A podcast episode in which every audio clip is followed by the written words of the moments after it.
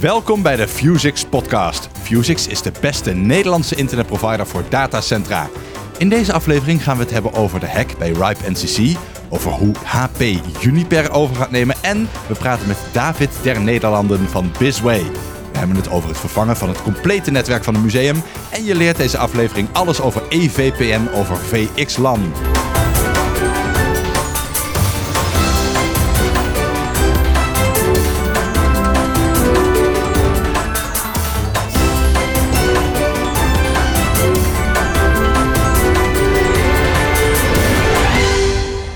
Welkom bij de Fusix podcast. We duiken elke aflevering samen met Julia Maglin en Niels Raaier in het nieuws en praten met een klant of partner van Fusix. En deze week is dat David der Nederlanden. Hij is een Linux cloud architect bij Bizway.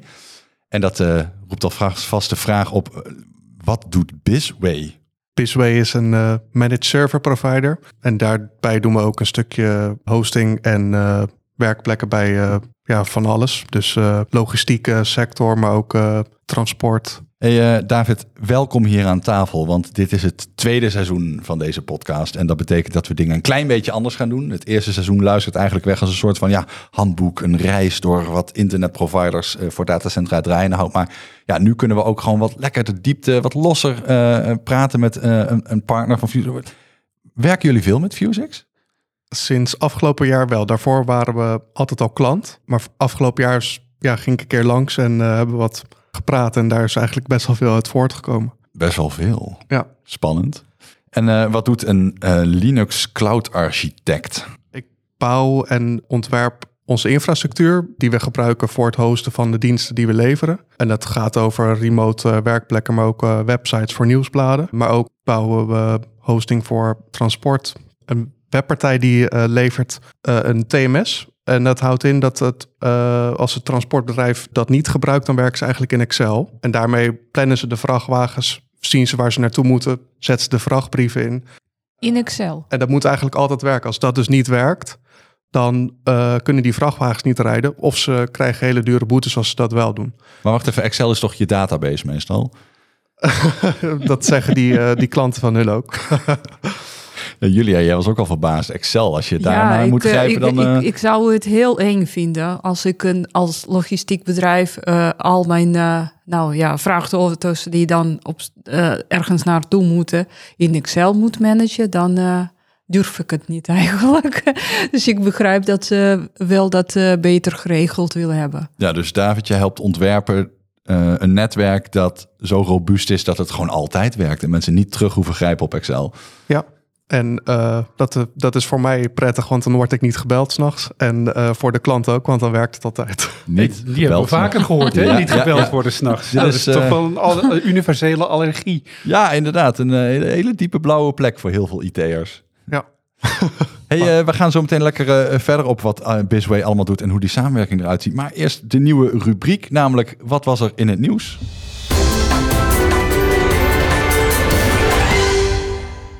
Ja, Niels, ik vroeg jou, wat is er allemaal gebeurd de laatste tijd? En jij was eigenlijk uh, ja, zo in de war, want je denkt, er is, er is zoveel gebeurd. Ik, ik kan moeilijk kiezen. Wat heb je voor ons meegenomen? Het leven is één grote gebeurtenis, Randal. Onvoorstelbaar. Maar uh, ik wou het eerst eens even hebben over uh, wachtwoorden bij portals van Rijp NCC bijvoorbeeld. Bijvoorbeeld, ja. Ja, ja. ja want kijk, je, je, je hebt natuurlijk al overal tegenwoordig een gebruikersnaam en wachtwoord voor nodig. ja, en, en, en Rijp NCC, waarin de IP-adressen en objecten voor uh, routing op het internet worden bijgehouden, is geen uitzondering. Daar kun je op inloggen met een gebruikersnaam en wachtwoord. Maar dan heb je natuurlijk two-factor authentication aanstaan en is het dan opeens een stuk veiliger. Nou, dat kun je aanzetten, maar dat, uh, dat hoeft niet. Dat oh. wordt niet vereist door die website. En uh, eigenlijk doet die site van, van de, de, de LIR-portal, heet dat dan, die doet ook geen check of het wachtwoord dat je gebruikt wel een sterk wachtwoord is. Hmm. Dus uh, ja, er is een uh, provider geweest in Spanje die eigenlijk niet zo'n supersterk wachtwoord had gebruikt. Ik zal het wachtwoord even noemen voor de zekerheid. Het wachtwoord was Ripe Admin. Oh. Ja, nou, dat is, uh, dat, dat is iets dat toch wel redelijk voor de hand ligt. Kleine en, letters ook?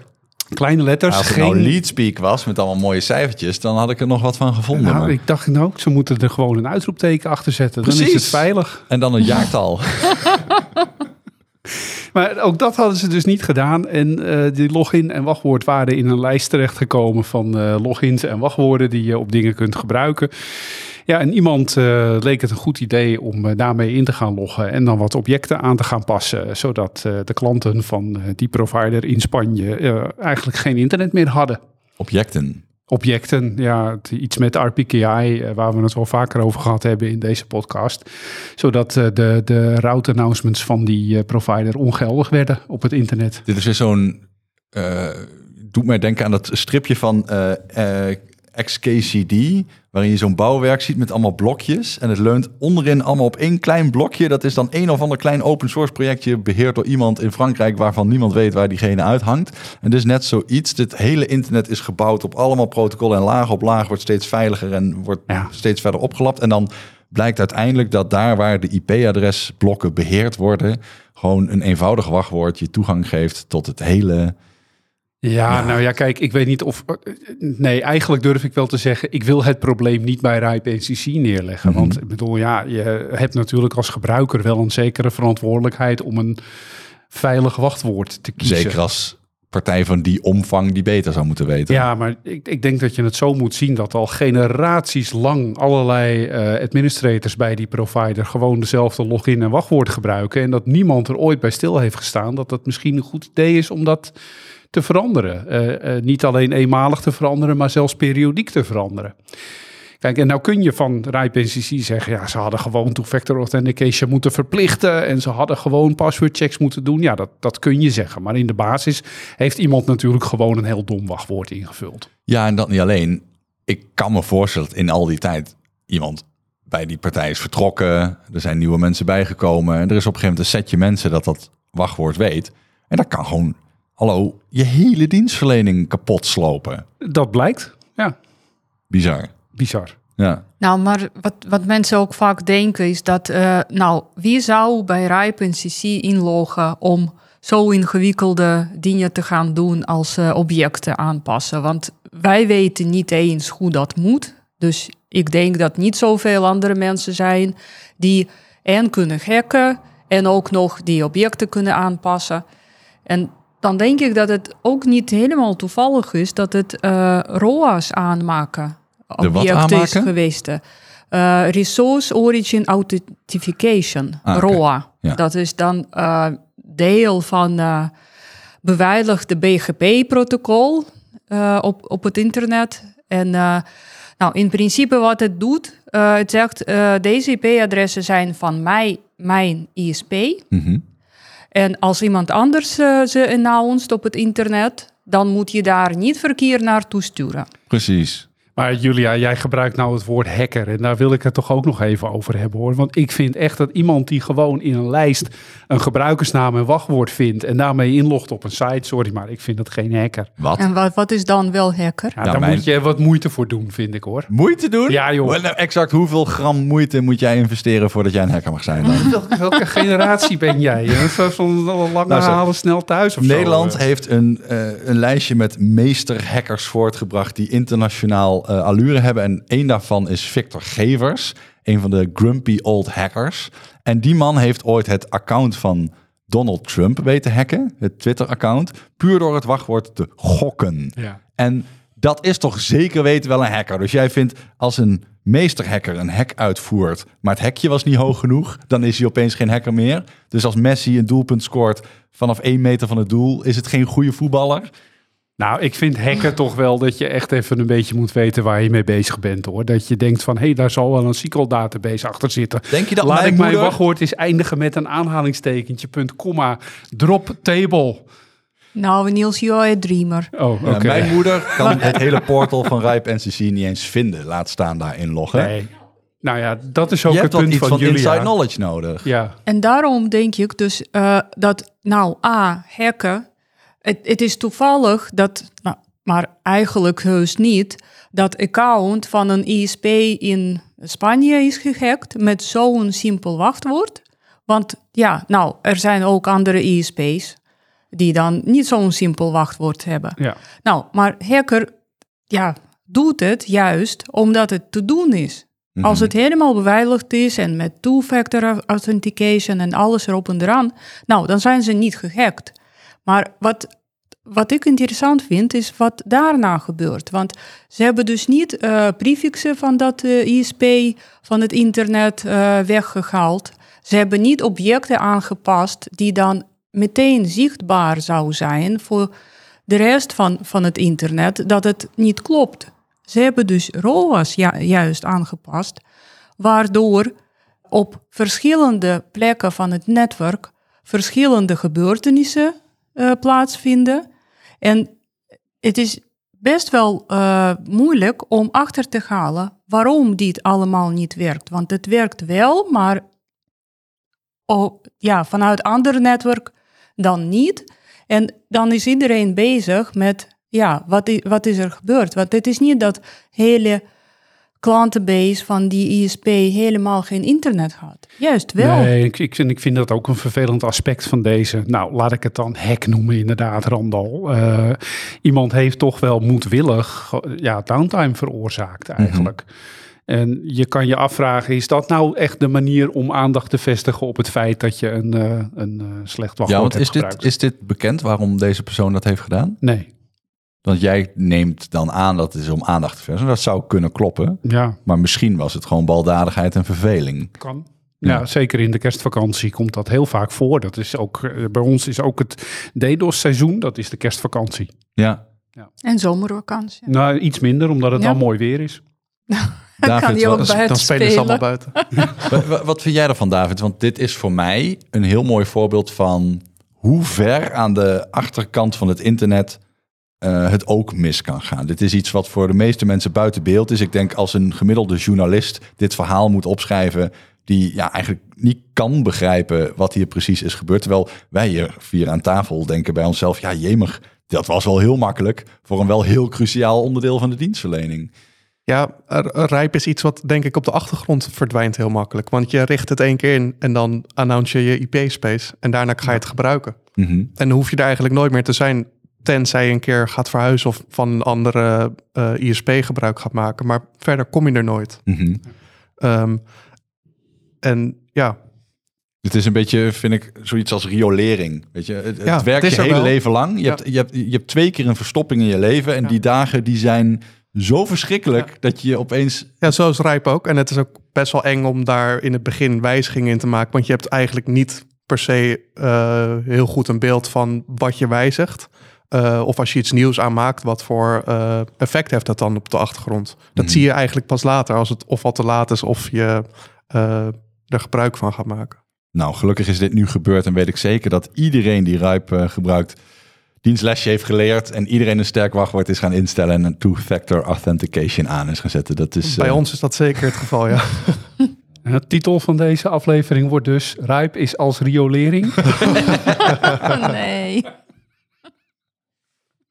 Het zou wel een mooie titel zijn, ja. Nee, nou. Niels, jij had nog een eh, nieuwtje voor ons meegenomen. Ja, en dat is eigenlijk zo eh, heet van de, van de pers dat we dat eh, nog niet goed kunnen inschatten wat dit gaat betekenen. Maar eh, het, het schijnt dat eh, HP een, eh, een poging gaat doen om Juniper over te nemen. Het voormalige Hewlett Packard. Ja, ja wat eigenlijk eh, in mijn ogen meer een soort investeringsbedrijf aan het worden is dan een eh, ja, maker van apparatuur zoals vroeger. Ik weet nog op de universiteit, want ik ben eigenlijk scheikundige, Randal, zoals je weet. Ja, Daar hadden we zelfs gaschromatografen van HP, kun je nagaan. gaschromatografen van HP. dat- ja, ja. gaschromatograaf Een soort printer, maar dan voor scheikundigen. Bijna, ja. Daar, daar, daar spuit je dan een, een dingetje in en dan gaat het door een kolom heen en dan komt er een grafiek uit met wat er allemaal in dat spuitje zat, zeg maar. Wat kan er allemaal in zitten? Ja, van alles, wat je wil. Een heel naar spuitje. Ja, nou ja, dat is een gaschromatograaf en de HP maakte die dingen. Hmm. En nu gaan ze ook eh, Juniper hardware, eh, Voelt een beetje alsof het Dell Cisco zou kopen of zo. zoiets, ja. Ja, en ik, ik, ik, ik weet niet wat ik hier nou van moet vinden. Maar goed, eh, misschien bij, tegen de tijd dat mensen dit horen, is de deal al helemaal uitgekristalliseerd. Kijk, ehm, ik vrees dat de aandeelhouders van HP dit een goede actie vinden om eh, de AI-software van Juniper binnen te krijgen. En eigenlijk is dat maar één stukje software. En dat is van Mist, de wifi-oplossing van Juniper. Oké. Uh, nou heeft HP zelf ook een wifi-oplossing, namelijk Aruba. Dus ik heb uh, grote twijfels bij uh, de toekomstvastheid van, van Mist. Ik ben een beetje bang dat ze de software gaan houden, maar de hardware allemaal weg gaan donderen. We zullen het zien. Maar in mijn ogen is die AI-software helemaal niet het belangrijkste asset van Juniper. Ik denk dat dat de Trio-chip is.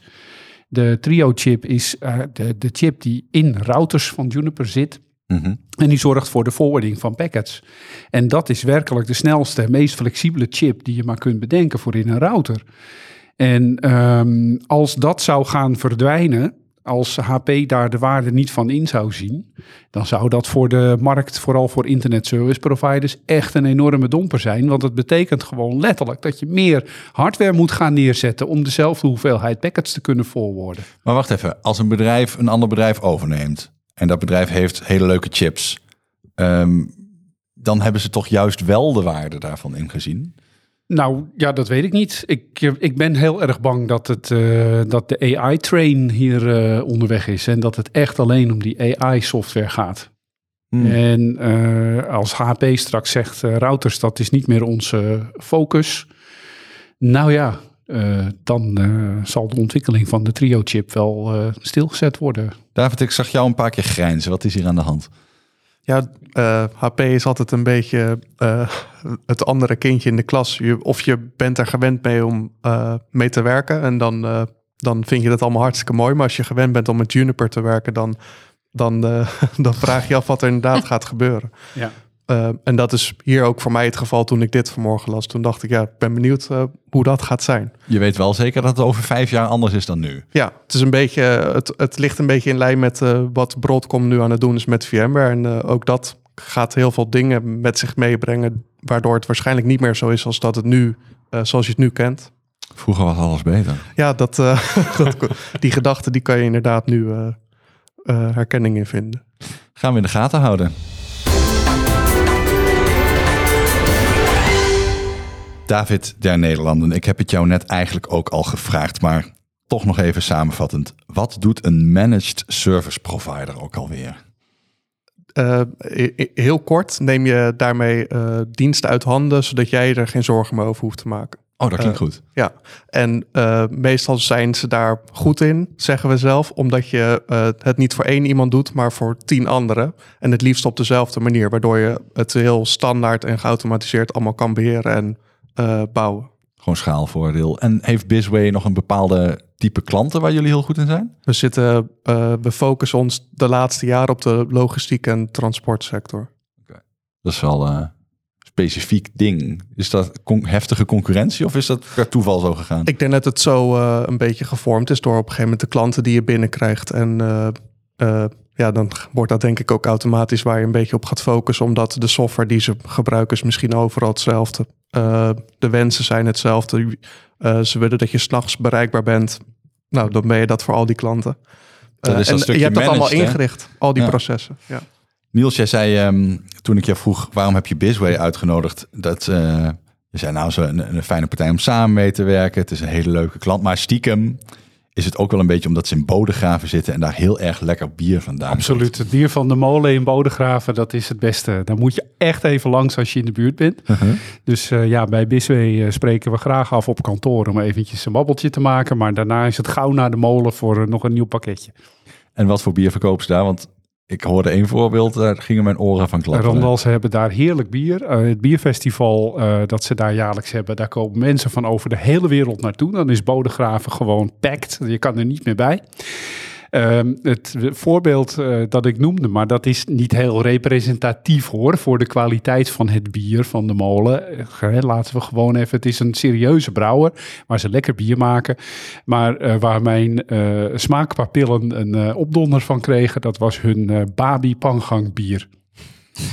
Onvoorstelbaar dat het echt zo smaakt. Echt niet te geloven. Het was alsof jij een Babi in je mond had. Absoluut. Ja, ik, ik word daar dus nieuwsgierig van. Ik heb in mijn leven heel wat bier gehad en ook van allerlei gekke smaken. Maar Babi Pangang bier, dat is wel nieuw. Is dat, wat is jouw favoriet, uh, David? ik hou niet zo van. Ik hou normaal van een eh, IPA, vind ik altijd wel lekker. Dat smaakt een beetje fruitig en niet eh, te donker. Eh, dus ik probeer niet zo vaak van die gekke smaakjes. Ja.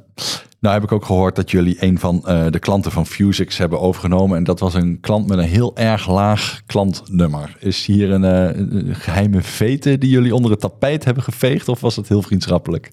Nee, we deden hosting destijds en eh, die klant wilde zijn hostingdiensten ergens anders onderbrengen. Dus toen kwamen wij in beeld.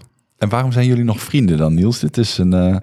eh, Oh, nee, maar een overname, dat hoeft toch helemaal geen slecht nieuws te zijn. De, de eerste keer dat een klant van ons werd overgenomen, toen dacht ik, oh nee, nu daar gaan we. En oh, wat ga, gaat er nu allemaal op ons dak komen? Maar gaat de klant weg? viel allemaal reuze mee. Ja, Viel, precies. Viel reuze mee. Ja, dus uh, Bisway heeft eh, onze toenmalige klant overgenomen. Inter InterneTunie was dat. En eh, wat daar zo leuk aan is, dat is dat dat echt eh, letterlijk eh, klant nummer één was van Vuzix. Hm. Eh, de, de, de, de toenmalige eigenaar van InterneTunie, Gregor Snip, die heeft er eigenlijk voor gezorgd dat ik het netwerk van Vuzix ben gestart. Omdat ik dacht, dit kan ik zelf beter.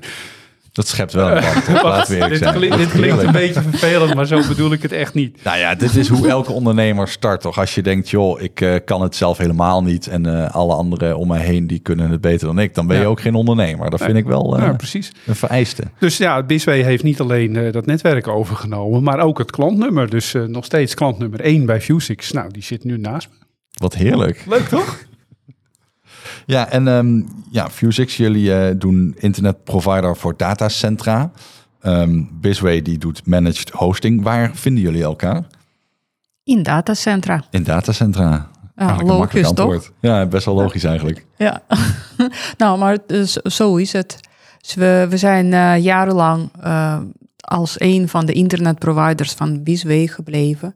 En eh, vorig jaar gingen we een heel groot eh, Juniper gebaseerd project doen. Oh, Over overnames en Juniper ik wou gesproken. net zeggen, als we dit verhaal over vijf jaar vertellen... is het een HP-gebaseerd HP, ja, netwerk. nou precies. Dus, eh, Wat voor netwerk? Moeten we eerst vertellen over het, het proefprojectje dat we gedaan hebben Ja. in het museum, zeg maar? Ik denk het wel. We Ja. zijn een proefprojectje gedaan.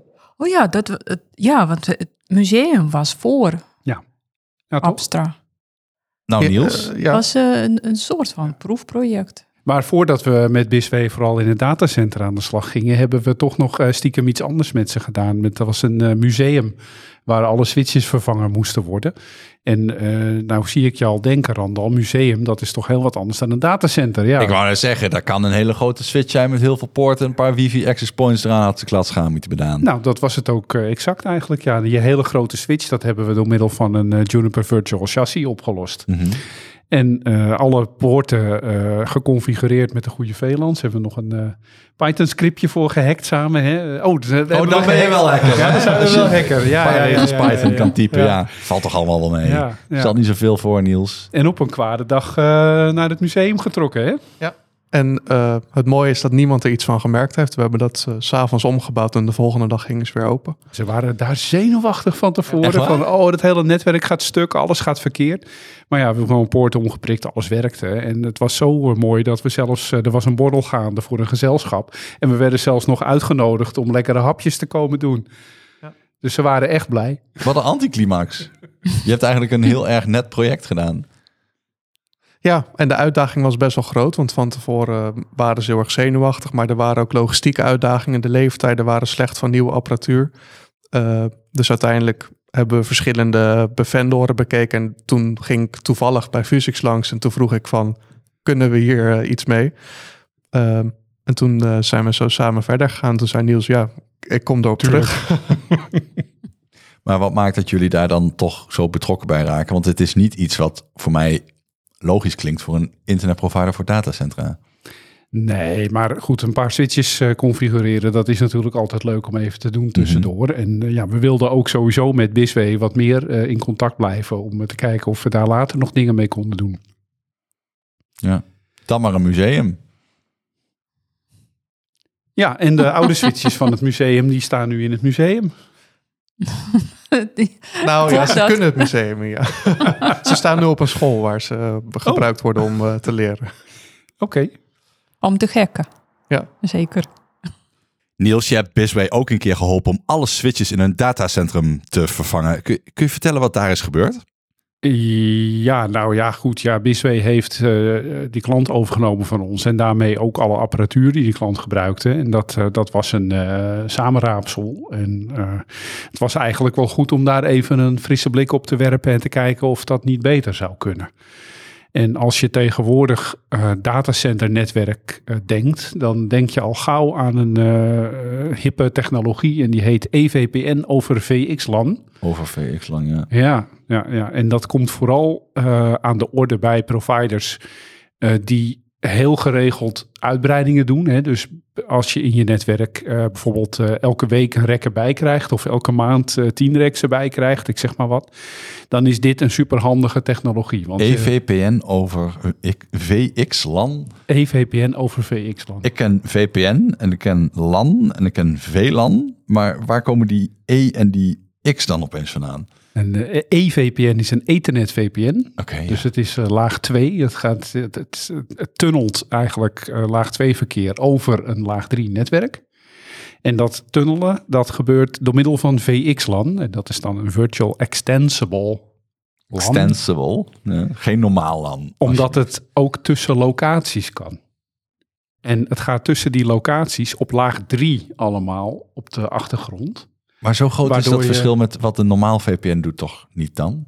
Nou, uh, eigenlijk wel, want je kunt hier doorheen dus allerlei VLANs doorzetten, MAC-adressen doorzetten, je een server, virtuele server verhuizen van de ene naar de andere locatie, het ene naar het andere datacenter, zonder dat het stuk gaat.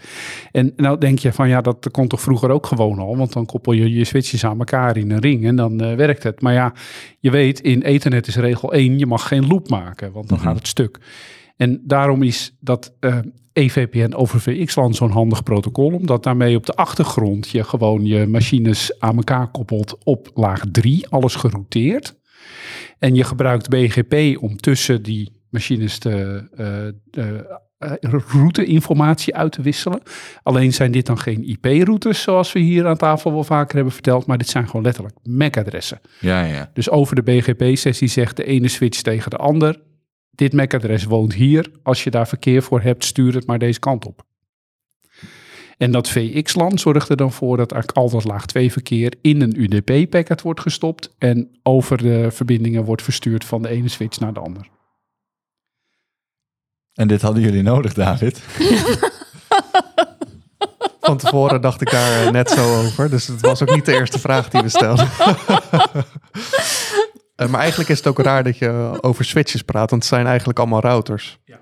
Um, en uh, toen Niels dat uitlegde, toen dacht ik eerst, ja, waarom hebben we dat eigenlijk nodig? Dat maakt het veel te ingewikkeld. Want een regelcode uh, die je normaal instelt, wat twee regels is, is nu twintig regels. maar op een gegeven moment zag ik daar ook het nut wel van in. En ehm, het is heel schaalbaar, je kan horizontaal verder. En misschien past het nu nog niet helemaal bij hoe groot we zijn. Maar als je uh, naar de toekomst kijkt, dan maakt het nu wel om, uh, de keuze heel makkelijk om daar nu voor te kiezen. Uh, zodat je later ook makkelijker kan groeien als dat nodig is. Maar het klinkt wel ingewikkeld. Je moet dan goed bij de les blijven. Ja, dus als je het echt van begin af aan helemaal op wil bouwen, dan ben je weken bezig als je er nog nooit aan begonnen bent. maar toen uh, en ook daar kwam uh, Fusix met een oplossing uh, waarvan ik toen dacht, dat doen we toch zelf wel. En dat was Juniper Abstra.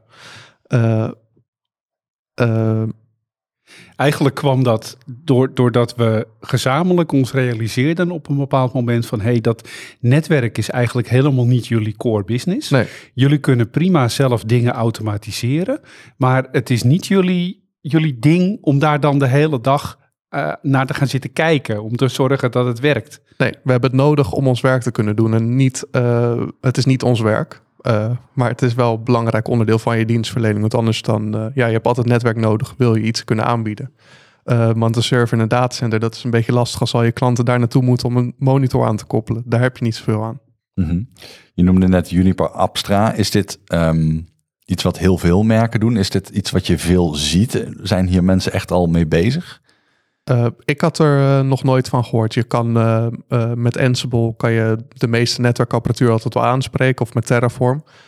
maar dat een vendor ook een eigen oplossing had om die apparaten eh, en niet alleen die van Juniper aan te spreken, dat was voor mij wel nieuw. Ehm, waar je eigenlijk alleen je intent eh, eh, hoeft te omschrijven. Dus wat je met AI eh, vaak ziet tegenwoordig, dat je, je, het wordt veel belangrijker om te omschrijven waarom je iets wilt, in plaats van eh, hoe je het wilt. Wacht even, wanneer komt dat voor dan? Als jij op een router zit te configureren, dat is niet hetzelfde als een gesprek met ChatGPT. Eh, nee, maar je bent dus eigenlijk ook nooit meer op die router. Je bent alleen op de webinterface die tegen de routers aan aan het praten is. Dus daar zet jij jouw eh, eh, gewenste bedoeling in. En die stelt dat vervolgens voor je in op het moment dat jij ja zegt. En dat noem je dan AI. Nee, ik denk dat dat. Nee, AI is denk ik het verkeerde woord in dit. In dit eh, dat AI is meer eh, de intent die je. of de bedoeling die jij meegeeft aan Ja, iets. intent-based networking Ja, noemen ze het ja. inderdaad. Ja. Maar wa- hoe ziet dat er concreet uit? Ik heb moeite om me dit voor te stellen. Jij zegt normaal gesproken van nou, ik heb hier een poortje op een router, die heeft dit IP, eh zus zo. Maar nu ga je zeggen van nou, ik zou wel willen dat hij een IP had. Eh, ja. Nee, nou, eh, letterlijk, inderdaad, Randal. Dit is wat gebeurt. Dus je, je zegt, ik heb dit eh, IP-adresrange. Mhm. Ik, ik heb zoveel poorten in totaal. En ik wil dat tien ervan eh, op bepaalde manier geconfigureerd worden. En dan gaat de, de software eh, zelf IP-adressen pakken uit eh, die range die jij, jij hebt eh, doorgegeven. Die zet hij Ook netjes zo- in een Excel-sheet. Ja, nou, of niet. Ik, ik weet niet of. Ik hoop dat daar geen Excel-sheet achter staat, want dan, dan vind ik het juist een beetje eng. Maar ja, dus de software zorgt ervoor dat alles geconfigureerd wordt. Dat, niet, dat IP-adressen niet aan dezelfde apparaten per ongeluk worden uitgegeven. Of dat dezelfde apparaat een loop creëert op je netwerk. En eh, dan maakt het eh, ook configuratie. En eh, zo, zoals David zegt, dat kan Juniper configuratie zijn, maar het kan ook een Cisco con- config file zijn. Die dus gebaseerd is op wat jouw intent is. En dan pusht het ook naar de, naar de apparatuur zelf. Je- moet alleen weten waarvoor je jouw netwerk wilt gebruiken en op welke manier je redundantie wilt inrichten. En het, de software zer- zorgt ervoor dat het op deze manier gedaan wordt. Daarom is het intent-based. Hm. En in de basis begint dat eigenlijk bij een rack. Dus in dat Abstra zeg je van ik heb een rack en daar zitten twee switches in en servers. Zoveel servers. Ja. En die twee switches die worden gekoppeld aan die eh, spine switches heet dat dan weer. En die staan daar. Nou, en als jij dan maar eh, IP-adressen in een pool hebt gezet en AS-nummers in een pool hebt gezet, dan configureert het zichzelf. Ja. Echt waar. Het lastigste is eigenlijk het bekabelen van de hele bende. Want het kan heel snel heel lelijk worden. Maar als je dat netjes wil doen, dan eh, vond ik dat het ingewikkeldste. Als je dat fysiek netjes wilt doen. Want Ja. het leuke is dat je kan in principe ook naar de datacenter gaan en met je ogen dicht wat kabels inprikken. En dan tegen Abstra zeggen, nou het is bekabeld hoor. En dan gaat het lukken. Yes. Ja, Abstra gaat kijken welke eh, poorten met welke kabels naar welke poorten toe bekabeld zijn. Hm. En op basis daarvan iets bedenken. Maar je kan het ook andersom doen. Zodat je dan in Abstra een zo'n tekening krijgt van deze apparaten zijn met deze poorten met elkaar verbonden. Julia, ik maak mij zorgen om Niels zijn baan. Eh, ja, dat, eh, dat zei Daar Niels een keer ook. Maar eh, ja, dat, nee, ik, ik maak me geen zorgen om zijn baan eigenlijk. Nou, en omdat dit niet het enige is wat Niels doet. Oké, Eh, gelukkig. Daar was ik even en- bang voor. En eh, nou, kijk, met, eh, met Abstra software, wat we uiteindelijk bereiken, is dat meer klanten bij ons komen voor een project. Want ze weten dat als het project afgerond is, dan zitten ze niet aan Vuzix vast. En dan Niels is niet de enige die een wijziging kan maken. Of een software upgrade kan maken op de apparatuur waarvoor ze duizenden euro's hebben betaald. Eigenlijk is een eh, heel ingewikkelde technologie op die manier heel toegankelijk voor gebruikers. Hm. En dan eh, bedoel ik daarmee systeembeheerders die ook netwerk nodig hebben om hun diensten te kunnen aanbieden. En nou Ja. heb jij zelf nog steeds eh, dingetjes gemaakt om bijvoorbeeld een nieuw VLAN te configureren op het eh, netwerk. Dat je, en dat doe je ook via Abstra. Ja, ja. En Abstra heeft ook gewoon een API waar je inderdaad uh, tegenaan kan praten met je eigen tooling. En uh, dat is wel iets wat we heel erg gewend zijn.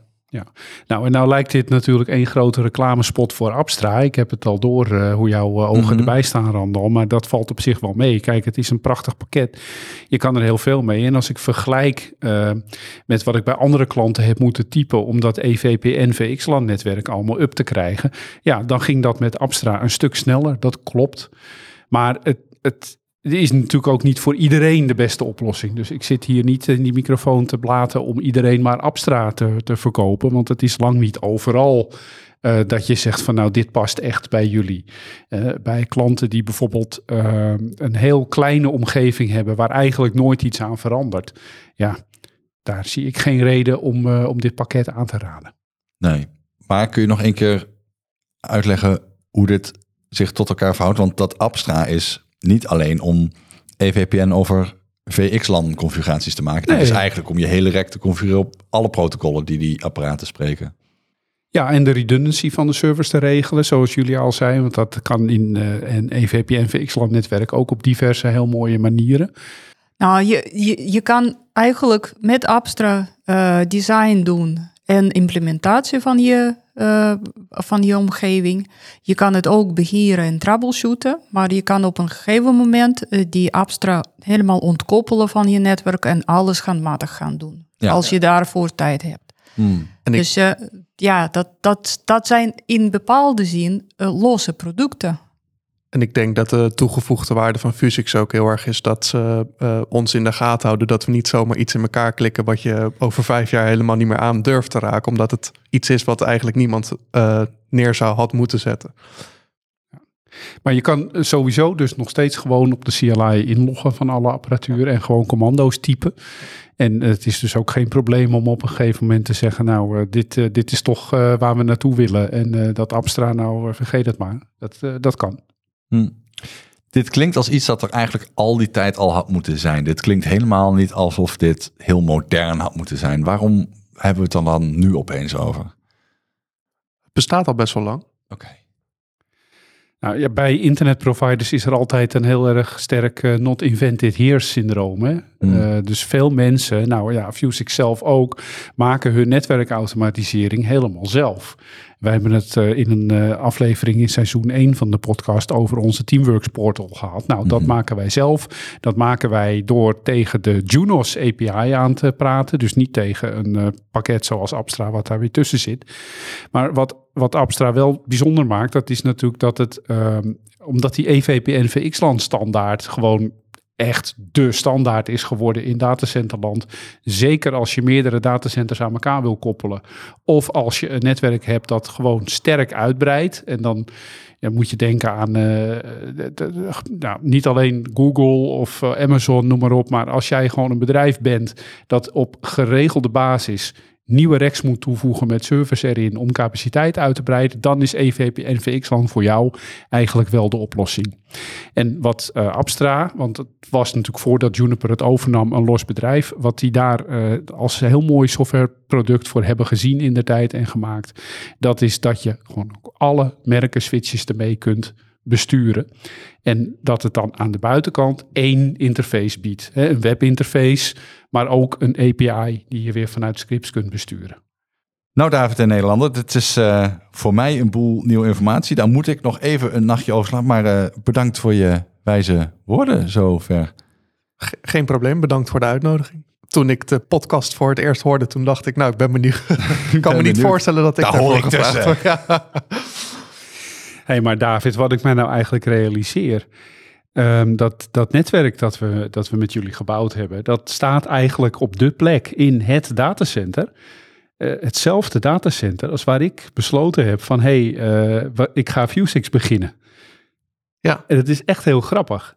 En uh, het is nog niet klaar, hè? want ik heb begrepen dat jullie moeten verhuizen uh, in dat datacenter van de ene naar de andere verdieping. Dus wacht even, jij bent Fusix begonnen omdat je dacht ik kan het beter. En nu komt er iets nog nieuwers, nog beterders.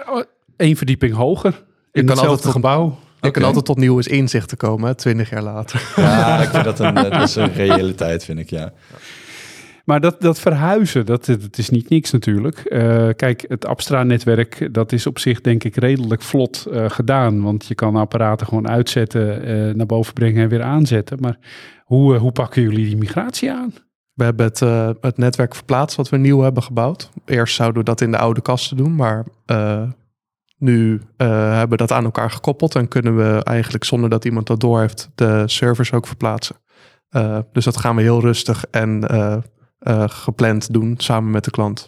Okay. Zodat ze wel op de hoogte zijn, mochten er toch nog problemen spelen. Oh, dus het is niet dat je nu snel in je auto moet stappen om nog even wat servers te gaan migreren? Ja, misschien moet ik nog, een, nog even iets kleins doen om te testen, maar verder... Wauw. Nou, heel veel succes daarbij. Dankjewel.